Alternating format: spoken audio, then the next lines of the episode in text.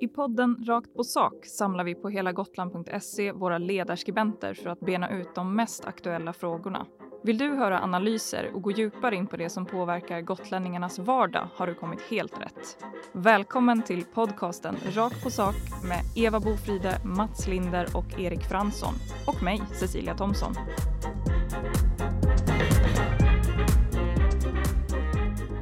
Det är åter sjukstuga, men jag är inte ensam här för att Mats Linder och Eva Bofride gör mig eh, sällskap medan Erik Fransson är hemma och kurerar sig. Hur står det till med, med er som är här?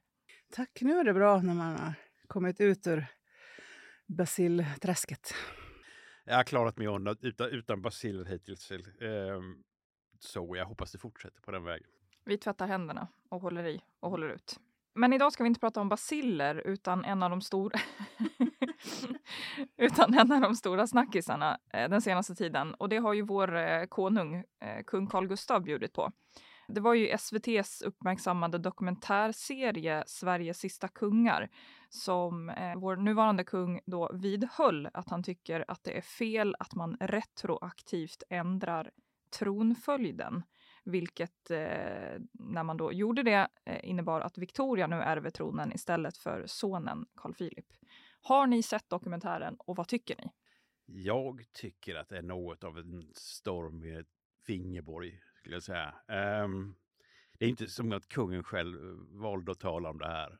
Um, och han har inte ändrat uppfattning, utan den här uppfattningen har jag haft hela tiden. Uh, att det var fel att Carl Philip föddes ju som kronprins och berövades titeln. Men alltså, kungen säger ju samtidigt att eh, det ändå har fallit väl ut.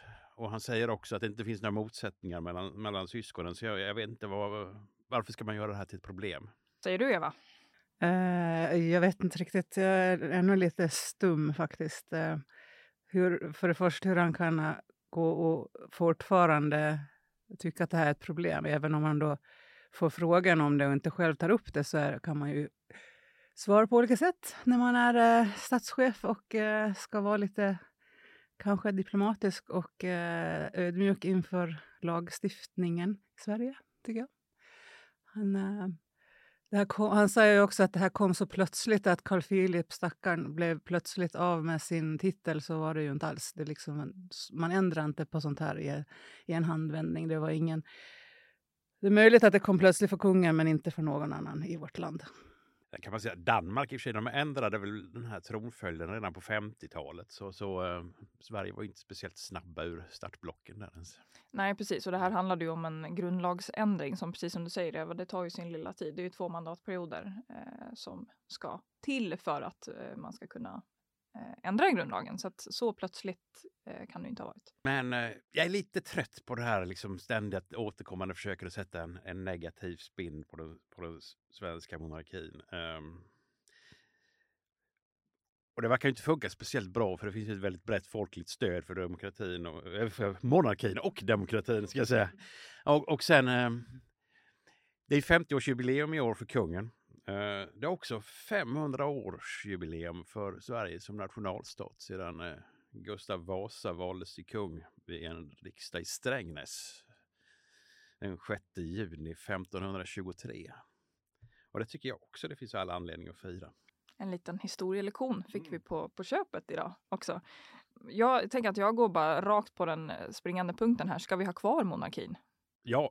Ja, det som har hänt nu handlar inte om att man är negativ mot monarkin utan det handlar om kungen och hans omdöme som inte är eh, stabilt helt enkelt. Och det är ju inte första gången vi har fått prov på det. Så det, det handlar inte om monarkin, det handlar om, kungen. Eh, så att han, han kan eh, gå i pension, monarkin är kvar. Ja, min följdfråga var, ska vi, ska vi ha kvar kungen? Men då du tycker att det är dags för Victoria att ta över? Det kommer att ett ypperligt tillfälle nu när han... Alltså innan det här hade det varit ett ypperligt tillfälle att i samband med 50-årsfirandet deklarera att han lämnar över. Nu blir det ju svårt för honom att göra det i och med att det blir ju som ett nederlag för honom att, att liksom gå nu när han har så mycket emot sig. Så jag vet inte, men det är ju dags. Är det vanligt att eh, sittande regent avgår eh, liksom medan man är i livet? Eller är det inte så att de oftast trillar av eh, pinn och då tar eh, nästa generation vid? Ja, eh, det finns ju några undantag. Eh, Spanien till exempel. Ehm, även eh, Storbritannien på 30-talet. Eh, men eh, jag tycker inte det finns något skäl för kungen att avgå. Det tycker jag inte. För Sverige i tiden. Sitter på en post tills man dör. Ja. Men vad finns det för argument? Påven är ett annat exempel, slog mig. Eh, den förra påven, eh, Benediktus, som, som dog i var det förra veckan, åtminstone vid inspelning. Eh, eh och eh, ja, vi får se om, om Franciscus väljer att sitta kvar ända in till slutet. Han verkar ganska risig. Men de tillträder i ganska hög ålder, de där. De, just de. Och USAs president. Vad finns det för argument för att eh, behålla monarkin? Titta på vilka länder det är som är monarkier. Det är Sverige, det är vår, två av våra nordiska grannländer, Norge och Danmark. Nederländerna, Belgien, Storbritannien. Det är de stabilaste och bästa demokratierna på många sätt. Medan i länder där man har valt att eh, så att säga avlöva monarkins makt på ett mer resolut sätt så har utvecklingen ofta varit skakigare och mer, eh, för, mer förknippad med konflikt och våld och problem. Så det är dåligt för demokratin att inte ha en monarki? Jag tror väl inte precis att monarkin är på något sätt en förutsättning för demokrati, men det är absolut inget hinder heller. Och eh, att behålla demokratin, att behålla sina viktiga nationella symboler tror jag är betydelsefullt. Vad säger du Eva? Eh, alltså det här är en sån himla svår fråga. För att hade man liksom haft ett rent bord idag så, så ska man sitta och bestämma hur ska Sverige organisera sig, hur ska, vem ska vara statschef och hur ska vi ha det. Ska vi ha en familj kanske som ärver ett ämbete som får gå i fina klänningar och få massa slott? Och, alltså det hade ju inte skett. Det är ju så fjärran. Men, men om man ser till hur det faktiskt är idag så är frågan, tycker jag, mer om vad ska vi få istället och hur skulle det vara bättre och skulle det vara billigare? och skulle det vara... Jag tror inte det. Jag tror vi har... Sen hänger det, som vi har varit inne på, väldigt mycket på person också. Då, men det som kommer kan vi nog vara lugna och stolta över tror jag. Och på tal om det, den här SVT-serien heter ju som sagt Sveriges sista kungar. För eh, näst på tur för tronen är ju eh, två tjejer kvinnor.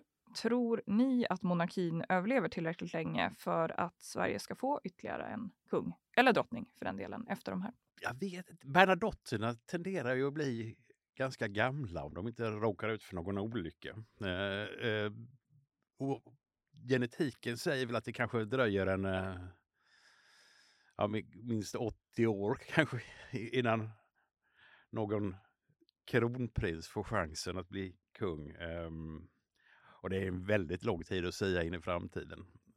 Men ehm, ja, så jag avstår tror jag. ja, det är som sagt eh, omöjligt att, att se in i den kristallkulan. Men Å andra sidan, om vi skulle ändra statsskick så skulle det också ta sin lilla tid. Så att, eh, kanske inte 80 år, men nej, det är svårt att passa också. Det skrivs ju gärna om monarkin och dess företrädare, som du var inne på eh, Mats, och eh, inte minst i Storbritannien. Eh, har ni kollat på den här Netflix-dokumentären om Harry och Meghan? Absolut inte. Absolut, jag strack såg den. Säger du, Eva? Alltså, jag älskar dem. Eh, det är bara så. Jag eh, kan inte hjälpa Jag tycker att uh, Harry har ett väldigt egendomligt sätt att dra sig undan all uppmärksamhet och skydda sin familj mot pressens härjningar. Dra sig undan uppmärksamhet? Ja, det, det, det är det jag inte riktigt tycker att de gör, utan snarare söker uppmärksamhet. Du var i så, um, nej, jag är inte så imponerad. Den här veckan kommer ju också prins Harrys bok. Kommer ni läsa den? Nej. Ja. Men vad tänker ni om eh, de eh, skandalerna och vänderna som har varit i, i Storbritannien? Det får man ju säga är något eh, mer utbrett än eh, vi har haft senaste tiden här i Sverige ändå. Ja, det är en helt annan värld. Alltså, och där kan man ju verkligen eh, sätta medierna i sitt ett eget ljus. Alltså, det är ju helt horribelt som det eh, Eh, jag vet inte om det ännu är riktigt så, men, eh, men som det var med Diana och det här, det var ju helt sanslöst. Och också hur de är alltså in... De, det är ju inte bara mediernas eget fel, de är ju med i, alltså i den här... Hovet har ju egna medier som de liksom... Eller egna medier, men de är ju liksom, får ju information. Liksom. Så det är otroligt konstigt. De har ju själva skapat några riktigt prakt, präktiga skandaler. Jag kanske tänker speciellt på Prince Andrews och hans, hans eh, relation med Jeffrey Epstein. Som, uh, Varför är vi så otroligt fascinerade av kungligheter då? Är vi det? Ja, men det har ju alltid varit så. Alltså, eh, även om det är olika sammanhang så har ju alltid eh, prinsar och prinsessor och kungar och drottningar varit eh, fascinerande. Men som det är idag så är ju inte det bara en, en fascination som är positiv utan många tycker ju att det här är en jättekonstig kvarleva från en tid som borde ha svunnit. Det är en konstig kvarleva som jag gillar. Precis som eh, julmaten. Vad var det du hade på julbordet? Som... Så min favorit var, var eh, rullsylta tror jag det var jag sa. Eh, jag, jag, jag står fast vid det. Eh, jag tänker att vi ska gå vidare till en helt annan sak eh, och det är att prata lite om årets gotlänning. För nu har ju vi fått reda på vilka de fem personerna, eller sex personer är det egentligen då, som har chans att utses till året, årets gotlänning. Eh, och det handlar ju för er som har missat det om Babben Larsson, Nico Kaspers, Emily och Oliver Lundberg, Stig Larsson och Sofia Hoas. Har ni någon eh, personlig favorit? Vågar ni avslöja det? Jag har inget emot någon av kandidaterna ska, ska jag säga till att börja med. Uh, om jag ska välja ut ett par av dem så får det nog bli Nico Kaspers och uh, Hoas. På grund av att det, det rör just Ukraina. Och, och det tycker jag är väldigt viktigt. Och, um, premiera och uppmärksamma. Jag har också en favorit som jag håller för mig själv.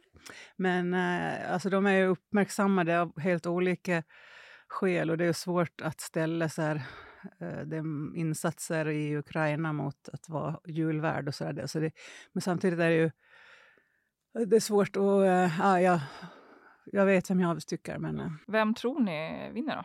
Ni som älskar att gissa. Alltså, Babben tror jag ligger bra till för att... Hon är ju den som, som flest känner till. Ja.